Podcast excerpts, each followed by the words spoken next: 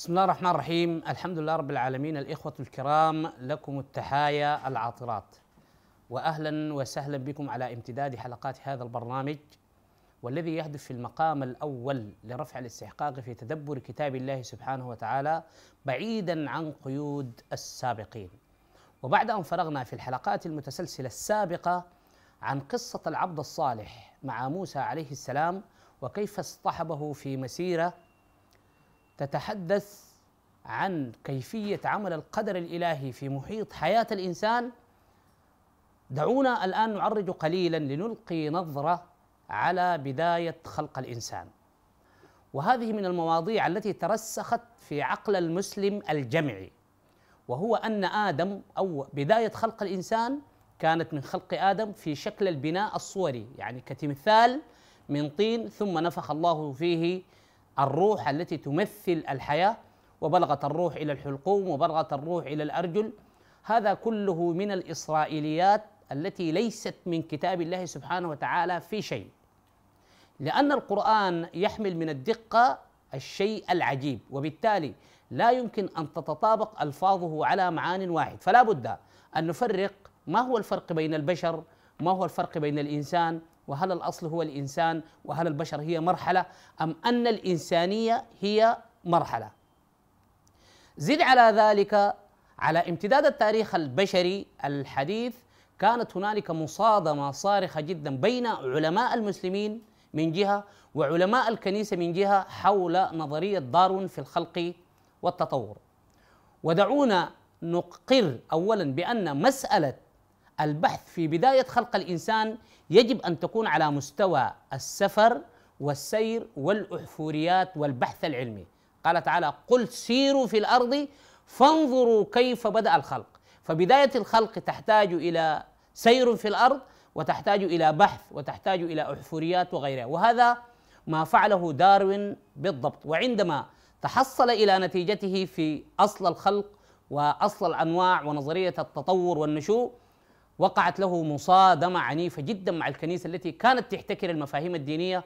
ثم تتابع المسلمون على ذلك باعتبار أن القرآن حسب مسألة خلق الإنسان بالبناء التمثالي الصوري لسيدنا آدم. وكما ذكرت لكم هذا ليس من كتاب الله في شيء.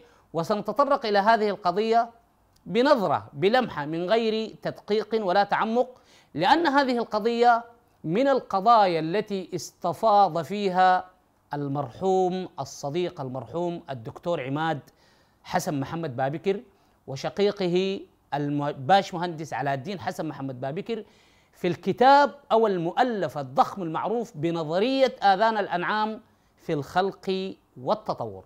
ومن أراد الاستزادة في هذا الباب بشيء من التفصيل العجيب فعليه أن يبحث عن هذا المؤلف وهو موجود بالمكتبات وبالأسواق. الآن دعونا لابد أن نفرق يقينا بين مفهوم البشر وبين مفهوم الإنسان.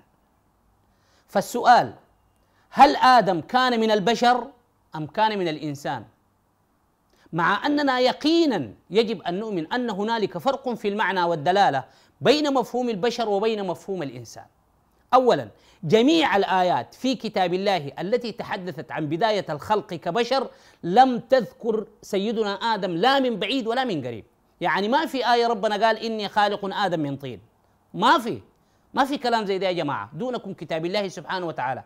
وإنما الآيات تتحدث عن البشر. وإذ قال ربك للملائكة إني خالق بشر من طين فإذا سويته ونفخت فيه من روحي فقعوا له ساجدين. تتحدث عن بشر. فهل هذا البشر الذي خلقه الله سبحانه وتعالى من طين هو آدم عليه السلام؟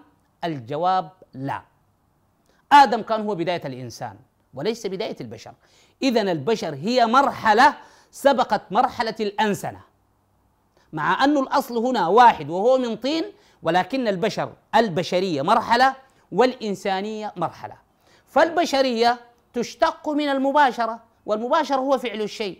عندما قال الله تعالى إني خالق بشرا من طين يتحدث عن مخلوق سيكون أصله من الطين سيباشر فعلا من المباشرة. أما الإنسانية أو الأنسنة فهي اشتقاق من الاستئناس والأنس وهو ضد الاستيحاش اذا الطور البشري الذي سبق أو بدأ منه الخلق كان طورا متوحش غير متآنس لأن الله سبحانه وتعالى لم ينفخ فيه الروح. إذا نصل إلى نتيجة خطيرة جدا على أن سر الحياة ليست هي الروح إطلاقا. فالإنسان حي بنفسه وليس بالروح. والتي تخرج من الإنسان عند الموت هي النفس وليست الروح. وبالتالي كلما توارثناه أن الروح تخرج من الجسد عند الموت وأن النفخ في الصور ثم تنطلق الأرواح وتذهب الأرواح. كل هذا ليس في كتاب الله بشيء لأن حتى كلمة الأرواح بالجمع أو التثنية لم ترد في كتاب الله سبحانه وتعالى إطلاقا لأن الروح تنتمي إلى عالم الأمر وليست إلى عالم الخلق. فالروح ليست مخلوق. الروح إنما هي من عالم أمر الله سبحانه وتعالى وليست من عالم الخلق. اذا الروح ما مخلوق. هي والنور النور والروح. هذه من عالم الأمر. ولذلك لا يمكن أن نجد في كتاب الله أن الروح جاءت بالتثنية أو الجمع. يعني مصطلح الأرواح مصطلح روحان روحين ما صحيح. وكذلك النور. النور ينتمي إلى عالم الأمر. لا يمكن أن يأتي في القرآن مرتبطا بالفعل خلق وإنما يأتي مع الفعل جعل وضرورة هنالك فرق ما بين مفهوم الجعل وما بين مفهوم الخلق. فالخلق هو تصنيع وتقدير من شيء. خلق من ماذا؟ أنا أخلق أخلق لكم من الطين. أما الجعل هو تقدير أو تغيير وظيفي لمخلوق أصلا.